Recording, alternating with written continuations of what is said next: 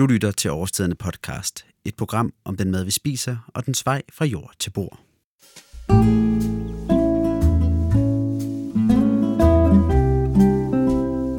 Der er noget i gære, og det har der i princippet været i rigtig lang tid.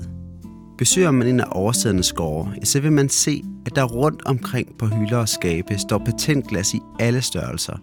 Glassene er fyldt med citroner eller lime, kål eller peber. Det er en symfoni af farver, og indimellem også smagsindtryk. For glassene står der ikke bare for syns skyld. De står der, fordi de skal spises. I patentglassene der er der nemlig gang i en fermenteringsproces, som hen over uger forvandler frugten og grøntsagerne til anderledes og spændende fødevarer. Det er indholdet af glasene, det skal handle om i dag. Så lyt med og find ud af, hvad fermentering er for noget, om det er noget for dig, og hvad fermenterede fødevarer kan bruges til i køkkenet. For cirka et år siden, lige præcis, stod vi øh, i samme køkken her på Kroop Avlsgaard og lavede optagelserne til de allerførste podcast, som kom ud, som hed Fermenteringens Kosmos. Dengang, der tror jeg, troede, at øh, emnet var udtømt. Nu havde vi snakket om fermentering, og så var det det. Men øh, med tiden bliver man klogere, og sidenhen har der presset sig en masse fermenteringsprogrammer ind i øh, podcasten. Det sker så også igen i dag, hvor vi skal snakke om øh, den nye fermenteringsbog, som hedder Fermentering 2.0, kondimenter. Og øh, med i køkkenet er Ditte og Søren, som er folkene bag. Og helt oplagt starter vi egentlig med, bare med at snakke om, hvad skal vi lave i dag? Man kan høre, at du står og snitter allerede. Jamen, vi skal lave en øh, helt simpel kraut, en surkål, som i dag består af spidskål, fælge og æble. Og så skal vi smage på lidt forskelligt også, noget fra bogen. Vi har taget et par glas frem fra gemmerne. Øhm, der er en 5-6 stykker her. Øhm, og de to mest ikoniske, jeg lige kunne øh, få øje på, det er en, øh, en pepper mash, som vi synes selv er en, en øh, nyopdagelse, øh, for os i hvert fald. Og så en, øh, en citrus pickles med øh, bukkehornsfrø og sort sennep og masser af cayennepeber og sød paprika osv. Og en krav, tror jeg, de fleste godt ved, hvad er. De to andre ting her, kan du prøve, Søren, at sætte nogle flere ord på, hvad det er? Ja, de to, øh, de to fermenterede ting, citruspikkelsen og peppermassen, de, øh, de har en stærk forbindelse til den undertitel, øh, Fermentering 2.0 har. Kondimenter, som øh, vi har fanget fra, fra et øh, USA'sk udtryk, condiments, kender de fleste amerikanere, som, som øh, kan oversættes til smagsgivere hvordan, øh, hvordan man i en øh, grønnere verden kan, kan gøre sit køkken mere umami og smagsfyldt. Øh, så hvis I forestiller jer den peppermash, jeg står med her, og I har et, et friskhøstet spidskål, som I har grillet på jeres varme grill, og så slynger den her peppermash ud over spidskålen. I har måske også øh, videreforarbejdet peppermashen med frisk koriander, og lidt revet ingefær, måske lidt friske frugter og nødder, frisk aprikos øh, ristede nødder, så, har, så vil du simpelthen se den, det spidskål, der er grillet, forvandle sig til en hel ret, så du ikke nærmest behøves andet. Men øh, med bogen Fermentering 2.0 og kondimenter, der prøver vi at folde en masse smagsgiver ud, som i princippet, hvis du har et billede af dit køleskab, det er smaskfyldt med små krukker, som din hot sauce, når du spiser shawarma, eller så videre, så videre, din mango chutney emner som dem, som gør dit øh, gastronomiske liv øh, fornyet og, og, og utroligt øh, på, en, på en helt ny måde. Jamen, jeg tænker egentlig også, at vi kender det jo egentlig ret meget, fordi vi har jo også noget som ketchup med i bogen, og chutney og peppermash, og det har man måske stående derhjemme, men øh, ligesom altså ketchup og chutney og chilisauce og syltet øh, rubeder eller gurker, eller hvad det nu kunne være, som jo ofte er lavet med sukker og med eddike. Øh, Øh, så laver vi det jo selvfølgelig med salt, så det får den her sådan, dybe, saltede og syrlige smag. Så det er egentlig, mange af de opskrifter kender man, men så har vi fermenteret dem og lavet dem på en anden måde. Øh, så det, øh, det kræver også lidt tilvænding, at man øh, går væk fra det der lidt søde, meget sådan skarpe syrlige fra eddiken, øh, over til det her salte og, øh, og syrlige. Ja, så man skal forstå, det er en af de ting, som står der i siden af ens køleskab ofte. Det er de ting, som, som bogen fokuserer på. Ting, som man kan bruge i sit daglige køkken, når man lige vil spice noget op. Øh, fuldstændig som en, øh, en ketchup, så bare måske en lidt øh, mere særlig og anderledes ketchup ja. end, øh, end Heinz's øh, udgave. Men øh, inden vi kaster os ud i det, er det så fordi, at I mener, der er noget galt med det, som øh, at man har en Heinz, eller hvad er det, hvad har drømmen været med den her bog? Jamen, jeg tror, at der var, der var en opskrift i den øh, første bog, som, øh, som vi lavede sammen med Shane Peterson, min, min Santa Cruz-ven. Han lavede en, en pickles øh, over i køkkenet her på Krogerup, hvor han blendede i en foodprocessor, der kørte han agurk, blomkål, bønner, bladcelleri osv. med, med kaj og sennepsfrø, og, og lod agurken justere fugtigheden øh, af picklesen, og den fermenterede så bare øh, i et par uger, som blev til en, øh, en, et remoulade-fundament og en pickles, du kunne bruge i alle mulige retninger. Og den stod i skærende kontrast til den måde, jeg altid har lavet pickles på, efter min elskede farmors opskrift, den søde sennepspickles. Og det var der, jeg allerførste gang åbnede øjnene for condiments. Og det er egentlig, det, det satte sådan et, et, øh, et, øh, udsletteligt indtryk øh, hos mig, som det må der være mere af det her. Så da vi, da vi begyndte at fermentere videre efter at have udgivet etteren og begyndte med, øh, jeg har privilegeret, har altid rigtig mange praktikanter rundt omkring mig, tre i øjeblikket, øh, dem lod jeg simpelthen bare fermentere alle mine drømme. Jeg sagde, kunne vi ikke øh, i stedet for hot sauce tage røde peberfrugter med måske friske aprikoser og limeblade og lidt Szechuan-peber? Kunne vi ikke tage så videre, så videre, så videre. De fermenterede hundredvis af forskellige opskrifter, som vi så smagte i produktudvikling og blev klogere. Ditte, hun øh, øh, kastede sig også selv over alverdens af de her variationer. Og på den måde blev vi kloge på, hvad det er for nogle øh, smagsgiver, der kunne være interessante som fornyende værktøjer eller komponenter til vores gastronomiske liv.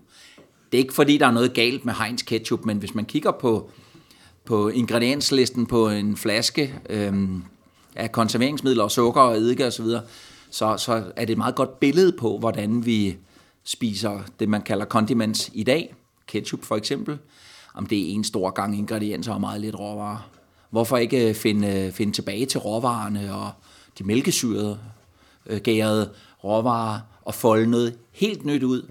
Og det er i virkeligheden det, jeg synes, vi har gjort i den her bog. Der har vi fundet frem til, jeg tror det er 56 opskrifter, som ikke rigtig er set før, eller nyfortolkninger af nogle gamle kendiser fra alverdens lande, som Baba Ganoush, nede fra, fra de ungarske sletter. Øhm, peppermassen er inspireret af hot saucen, altså af en, en rigtig chili mash, som du, kan, som du typisk kan finde på en shawarma bar. Den har vi så gjort sød og anvendelig øh, til selv øh, børn og unge mennesker, øh, der vil synes, at det her det smager der fantastisk som, som slik på min aftensmad. Kondimenterne består altså af fermenterede frugter og grøntsager. I køkkenet er det tiltænkt som de smagsforstærkere, der skal give maden et ekstra pift, så det løfter sig op og bliver velsmagende og spændende. De opskrifter, man finder i bogen Fermentering 2.0 Kondimenter, skal altså være fuldgode erstatninger til remoulade, ketchup og syltede agurker. Et spørgsmål, der helt naturligt trænger sig på, er, hvordan man selv kan komme i gang med at fermentere – og om kondimenter som peppermash og indisk citronpickles er et godt sted at starte, hvis man har mod på at kaste sig ud i at fermentere. Ja, det, det er ikke nogen hemmelighed, at der er rigtig mange, øh, der, der har udfordringer, hvis de starter med at lave en stor crowd, og så siger, hvor, hvor er det, jeg skal spise den hen? Skal jeg så lave sauerkraut med pølser og sennep, øh, ligesom øh, nede i Bayern eller Alsace? Eller hvad, hvad er det, jeg skal gøre? der, der, er det, der er det helt tydeligt, at øh, for eksempel over i drikkevarerne som kombucha, hvis man laver kombucha, øh, så det for nogen, så drikker de det faktisk lige med det samme. Og hvis, de, hvis man lærer dem at lave det, så drikker de kombucha hver dag i, i spandevis. Hvis man giver dem en, øh, et stort glas med en peppermassen hot sauce, en fermenteret citrusfrugter, som de kan bruge i deres taginer og dressinger og så videre, så videre til deres curries, så, jamen, så spiser de det faktisk. Så, så kondimenterne, det er også et bud på at se, hvordan, hvordan giver man øh, nogle kickstarter til hverdagskøkkenet hjemme hos øh, familier, som måske ikke er så vant til at spise alle de fermenterede sager. Vil du ikke give mig... Jo, det vil jeg give dig ret i. Og så vil jeg også sige, at øh, jeg tror, der er mange, der tænker, åh, skal jeg nu både til at lave kraut og kombucha og hot sauces? Øh, og jeg synes, at øh, man skal måske starte med at fokusere på én ting, og finde ud af, hvad er det, jeg godt kan lide, og hvad er det, jeg synes, der er sjovt, For ellers kan det godt blive lidt uoverskueligt. Og så får man måske også lavet en masse, man får det ikke spist. Så hvis man nu, ligesom, jeg er ret vild med kraut, så det er ligesom øh, primært det, jeg har hjemme i køleskabet. Og så eksperimenterer jeg med forskellige smage og sammensætninger. Så er jeg også ret vild med kombucha, så det har jeg selvfølgelig også. Øh, men find en eller anden ting, som man synes, at øh, det her, det tror jeg lige, det er noget for mig. Og så, øh, så tag den derfra i stedet for, ellers så kan det blive ret uoverskueligt, tror jeg, for nogen. Ja, og hvis man skulle få lyst til for eksempel at starte med at, at kaste sig ombord i, i noget som øh, vores indiske citronpickles her, som jeg står med her, en af dem, vi skal smage på. Det er en af mine favoritter. Den skal spises i, i, som en smagsgiver til sådan en, en, en kikærtegryde. Nærmest en, det var nærmest en chili sin carne med kikærter. Øh, den skal flavor din ret. Den skal ikke spises i store skefulde, fordi den er, den er syrlig, og den er fyldt med cayennepeber og ingefær og andet, og bukkehornsfrø og sort sennep. Så man skal også vide, hvad det er, man gør, hvor man skal spise dem. Det er ikke bare lige. Man bliver nødt til at sætte sig ind i det. Og jeg tror, det er fuldstændig det samme som første gang, du, øh, du lavede din kagecreme derhjemme øh, i gryden til din øh, lavkage, i stedet for at købe en pose pulver. Her der er vi ude i, i madlavning. Vi er ude i, øh, i et specielt hjørne af verdensgastronomien. Og hvis du lærer den at kende, så er jeg sikker på, at, øh, at du vil blive forelsket. Hvis du ikke læser øh, hvad det er, du står med, jamen, så bliver du bare forvirret og overrasket øh, for ondt i maven af den store mængde syrlige øh, cayennepeber, krydret øh, spice. Men forstår du det, så vil det være noget, du bærer med dig for evigt og siger, wow, citrus pickles fra indiske aner, det er noget, jeg vil bære med mig altid. Vi prøver.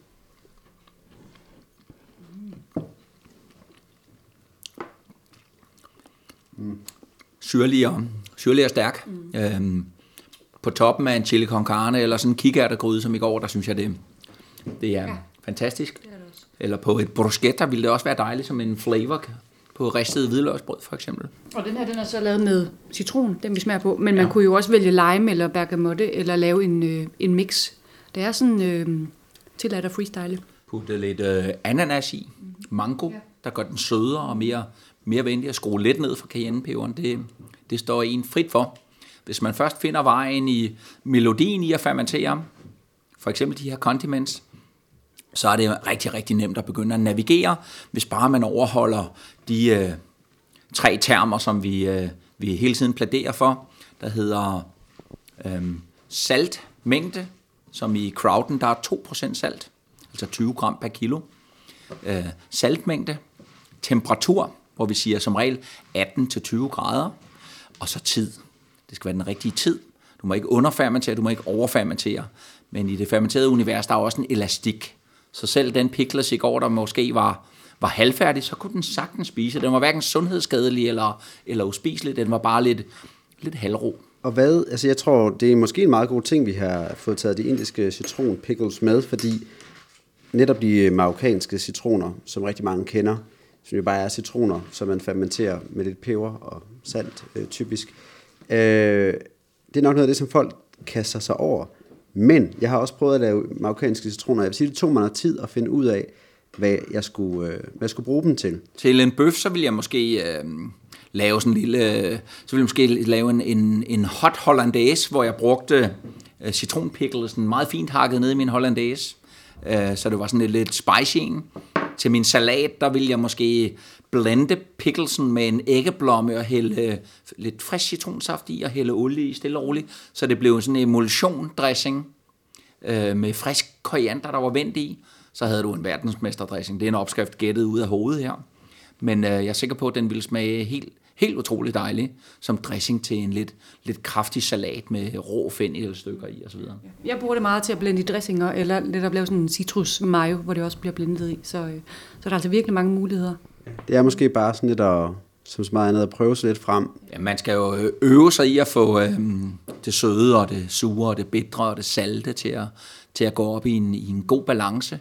Og der er sikker på, når man lærer det fermenteret igen. Sådan har jeg i hvert fald oplevet, at, at det, kan, det kan bruges alle steder på, øh, som et komponent i den større helhed, der bare hjælper med til at folde, øh, folde køkkenet ud og, og de ærlige råvarer ud. I har også været der, hvor I står, har stået med noget på et tidspunkt, måske tænkt, hvad skal jeg bruge det her til? Det er utrolig morsomt, at der, der er altså flere, der har både kaldt dit og jeg for fermenteringseksperter og fermenteringsdronninger og konger. Og det er jo ikke mere end øh, cirka halvandet, to år siden, at jeg støtte ind i fermenteringen, hvor Shane jeg begyndte at fermentere hjemme hos mig, efter jeg havde skrevet en kontrakt på en fermenteringsbog. Der var jeg da redselslagen, fordi jeg vidste nærmest ikke, hvad fermentering gik ud på. Øhm, så, men, men, men ved at lede lidt og ved at være nysgerrig, ved at prøve sig frem, så bliver man jo hurtigt meget øh, klogere og rigere på, på det fermenterede univers, eller hvad det er, at man kaster sig ud i.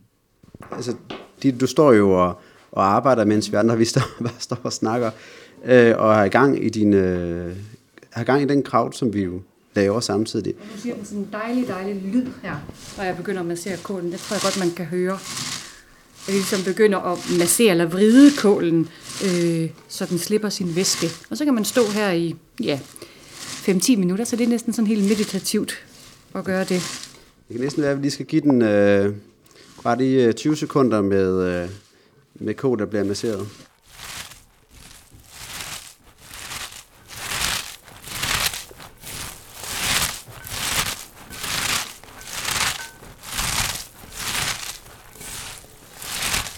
Og hvad er det, du siger, du helt præcis gør her? Du står og masserer øh, den spidskål, du har, du har skåret. Nu har jeg snittet kålen, æblerne og fennike, og så har jeg tilsat lidt salt. Og så kommer jeg det bare op i en stor skål her, og så begynder jeg at sådan, jeg vride kålen, og nu kan man faktisk allerede se, at det begynder at blive lidt fugtigt, men det begynder selvfølgelig at slippe sin væske. Øhm, og så bliver jeg bare ved, indtil at der er kommet sådan rimelig meget væske hernede i bunden af skålen, og så skal det jo selvfølgelig på glas bagefter. Så, øhm, så jeg kommer nok til at stå sådan her lige fem minutters tid. Så det du siger, det er, at en kraut, som, som vi automatisk kommer til at tænke på Tyskland og pølser, det er, det er i virkeligheden noget så simpelt som et spidskål, og noget så lækkert som æbler og finnike, ja. som bare får lov til at ligge på et glas og tænke over tilværelsen i, hvad var der en tid, en måneds tid? Ja, ja. Så en måneds tid. Og det gode ved, jeg synes, det gode ved kraut er jo, at så kan man tilpasse den alt efter, hvad man nu har derhjemme på køl, og alt efter hvilken sæson. Øh, så det kan både bruges ja, til vintermaden og til sommermaden. Og du kan putte rodfrugter i, eller andre krydderier. Du kan arbejde videre med den og vende den med frisk kål, frisk spidskål og friske krydderurter osv. Um, og lad, hvis vi lagde mærke til den lyd der, det er jo... Um, det er det vi, øh, det, vi, det, vi her øh, på gården kalder for en pausekraut, når vi, når vi tiger stille og, og nyder lyden af, af kål, der knirker.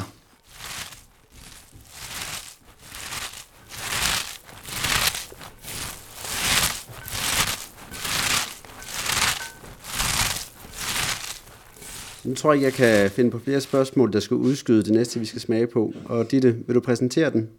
Jamen, det er jo faktisk en hot sauce med ananas. Så den er faktisk, øh, når man får den ene i munden, så er den måske en lille smule sødlig, og så kommer det der stærke bagefter. Vi prøver.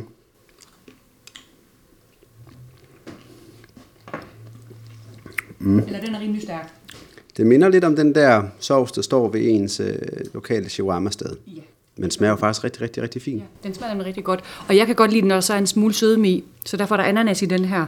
Øhm, og det jeg også synes, det er, at vi skal også vende os til, at det hele ikke bare altid skal være sødt, sødt, sødt. Fordi det, øh, det har vi måske en tendens til at spise lidt for søde ting.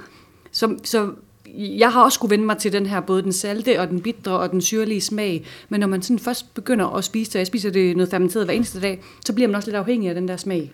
Øhm, så øhm, ja, jeg synes, jeg vil gerne slå et slag for, at det hele ikke skal være så sødt altid.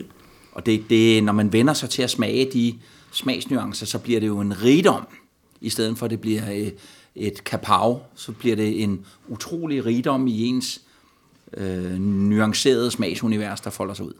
Jeg vil også sige, at den her pepper mash, den, øh, altså det må være en gave til folk, der virkelig godt kan lide stærk mad, og som ved siden af deres øh, remoulade eller deres øh, ketchup i, ude i skuffen har en masse forskellige hot sauces, som de har købt. Det må være en gave for dem at opdage den her, for den er virkelig, virkelig, virkelig god. Hvis man er til den slags, altså, så er den da virkelig øh, nem at bruge og kan fra dag et erstatte det andet, vil jeg sige, hvis altså det, det lykkes en at få fermenteret ordentligt. Nu er det endelig blevet tid til at få Dittes kraut på glas. Men lad os først lige opsummere, hvad krauten består af. Jamen, jeg har lavet en kraut med spidskål og æble og fælge, og selvfølgelig en smule salt og har masseret det godt og grundigt, så nu er det fuldstændig ændret øh, struktur og konsistens, og det har sluppet rigtig meget af sin væske. Så nu er den faktisk øh, klar til at komme på glas. Og øh, jeg bruger næsten altid bare sådan et helt almindeligt patentglas her. Det er ganske udmærket. Så der kommer det op i med al sin væske. Og så er det vigtigt at presse det godt sammen ned i glasset, sådan at det er helt dækket af væske. Og så lægger jeg et kålblad på toppen, som skal sørge for at holde det nede under væsken. Og så stiller jeg det på mit køkkenbord eller i et køligt rum, og så lader jeg det stå der, ja, mellem 21 og 28 dage, alt efter hvad man nu synes. Og når det så, når jeg smagt på den, og nu synes jeg, at den er færdig, så stiller jeg den ind i køleskabet, og så kan den jo stå der, indtil jeg skal bruge den. Du stiller den i køleskabet, fordi at det, der er det så koldt, at, Ja, at processen... eller i hvert fald stopper fermenteringen. Ikke? Ja. Så nu, den, nu skal den helst stoppe med det på et tidspunkt. Og hvad kan man bruge sådan en krav til, hvis vi skal hjælpe folk til at tænke på noget andet end, øh, end bratwurst? Altså jeg vil sige, at man skal bruge den som jamen, tilbehør til sin aftensmad, ligesom man vil bruge en syltet asie eller en syltet rubede.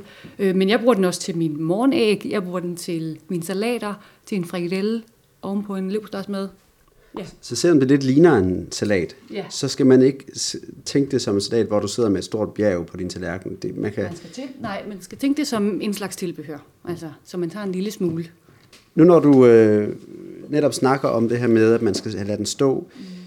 ude af køleskabet i, i den her måneds tid, så kan man også godt komme til at tænke på, hvordan er man sikker på, at det går, går rigtigt for sig? Hvordan er man sikker på, at det, man ender med at servere for sin familie, eller at det ikke er farligt? Det er jo sådan et helt klassisk øh, et spørgsmål, der altid dukker op, når man fermenterer. Særligt fordi, at vi er vant til at smide tingene ind på køl, og så smider vi det ud efter en relativt kort øh, periode. Men ja. det er et spørgsmål, som jeg i hvert fald tit får stillet, og det gør du sikkert også, Søren. Og som regel plejer jeg at sige, at øh, jamen, kig på det, duft til det, og man kan tydeligt se det, hvis øh, der går en skimmelsvamp der, som ikke skal være der. Øhm, og så smag på det. Hvordan- Jamen, hvordan, netop nu skimmelsvampen, hvordan ser jeg, at der er en skimmelsvamp på? Jamen det vil du helt tydeligt kunne se, at der øh, vokser en øh, blå skimmelsvamp, og så skal du kassere det. Det er sådan en behåret. Ja, det er det. Der, ja, Størrelse. der er ikke noget at tage fejl af, hvis det først bliver dårligt. Og det kan også få en, øh, en grim lugt, og så er det bare at smide det ud og starte forfra. Og så det, man vil også vil se, det er, at der begynder at komme nogle bobler på indersiden. Øh, Ja. nogle, nogle, hvad er det, nogle gasser, der kommer, eller hvad? Det sker faktisk sådan ret hurtigt. Det kunne måske allerede begynde i dag. Den står og bobler. Så de første sådan 5, 6, 7 dage åbner man lige glasset og, øh, og lader det sive lidt ud. Øh, for ellers så kan der ske en lille eksplosion. Så den skal faktisk sige et lille puff, Ja. når man åbner Ja. glasset. Det er ikke fordi, det er ikke et tegn på, at der er noget galt. Nej, det er et tegn på, at det går rigtig godt ind i glasset. Så det gør man sådan 5 til 7 dage. Og så kan man godt stoppe med det. Altså noget af det, jeg nogle gange kommer til at tænke på, de få gange, jeg har fermenteret, det er det der med, inden jeg går i gang, tænker jeg, hvordan i alverden skal der komme så meget saft, at det kan dække det hele, at alt, er man sikker på alt under væsken. Kan man være sikker på det altid, eller, og hvad gør man, hvis ikke man synes, man kan få, kan man putte noget vand i? Så kan man lave en øh, saltlager, det har vi også opskrifter på i, i begge bøger, hvis der ikke er væske nok. Men det burde der faktisk være, hvis man har masseret det længe nok. Man kan se på det her glas, prøv at se her, hvor meget væske der er. Den, øh, den dækker rigeligt. Så, øh, Ja, altså det ligner faktisk, at du har puttet det der kål ned, og så stået og kørt den øh, under den kolde hane. der er mange, der spørger, hvor kommer, hvad er det for noget væske, hvad har du tilsat? Men det er jo faktisk helt sit egen væske. Altså det er salten, der simpelthen får trukket alt det, det væske ja. ud. En sidste ting, som jeg også kommer, jeg er også tit er i tvivl om, det er det, her med, at nu har vi fyldt glasset næsten helt op. Mm. Der er lige et par centimeter eller tre Ja. fra kanten. Så står du med et kålblad nu. Ja, Og som jeg lægger ovenpå, så det lige bliver presset yderligere ned. Sådan her. Det kunne også være en stor skive øh, rubede eller en anden rodfrugt, man lægger på. Det skal bare sørge for, at man presser det godt ned her.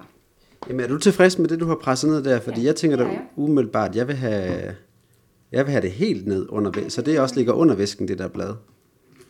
Det kan det også godt. Man skal forestille sig, at, øh, at det miljø, der fungerer inde i glasset, øh, rent kemisk, så sker der det, at ilten den bliver om- omdannet til, øh, til koldioxid. Um, og det er også noget af den øh, koldioxid, vi lukker ud, når der kommer overtryk. Og så handler det om, at man skal ikke bare blive ved med at åbne glasset, når den ikke danner rå mængder af koldioxid igen. Så den skal... Øh, den luft, der er inde i, det skal være koldioxid og, og ikke ilt. I den koldioxid, der kan det ikke skimle. Så på den her måde, der behøves det ikke være under pres-pres. Det skal bare helst ligge under væsken. Øhm, og der er, det, der er det, at vi bruger det rå blad til at være overfladen, fordi det er fyldt med, med dejlige mikroorganismer. Det er næsten hvad, lige meget, hvad du fermenterer. Så vil et kålblad altid være velegnet som topping, fordi det har et utroligt øh, dejligt mikroliv, der beskytter, øh, hvad der måtte være under. Men, altså, så det, men det jeg så ser ved det her, hvis jeg skal forholde det konkret til det, jeg oplever derhjemme en gang imellem, det er, at det behøver ikke være så hysterisk at stå og sørge for, at, at det øverste blad, der måtte være øh, i toppen, at det skal være den der 1 cm under vand og fuldstændig dækket til med, med væsken. Man, det kan godt lykkes uden. Jeg behøver ikke være så bange. Du behøver ikke være så bange, nej, nej. Og øh, som sagt, som jeg også sagde før, hvis det går galt, så kan du se det og lugte det, og så er det altså bare at kassere det og starte forfra. Hvad er det ikke? Og jeg har jo også gået og set på noget af det, vi har til at stå. Vi har blandt andet nogen bagved der. De der kålblade, man putter i, de vil jo automatisk komme til at også ændre udseendet en lille smule. Altså det allerøverste, du putter i. På et tidspunkt. Ja, fordi det... Øh, så dem, når, når man stiller det på køl, kunne man jo bare tage kålbadet og kassere det, og så øh, det behøver ikke at være der, når det først er færdig, færdigfermenteret.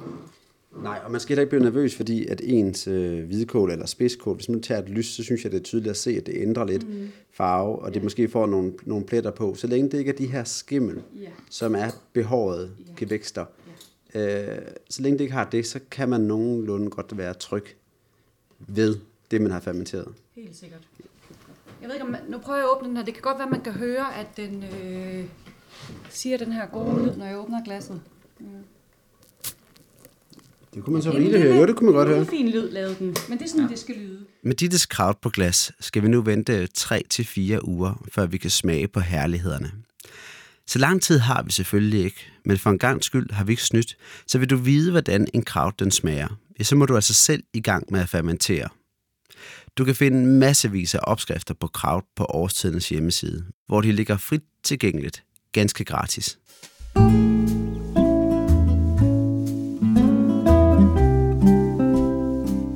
Det var alt for denne gang. Mit navn det er Mads Malik Fuglsang Holm, og jeg siger tak til Ditte og Søren, fordi de havde lyst til at være med i denne udsendelse. Jeg siger selvfølgelig også tak til dig, fordi du lyttede med.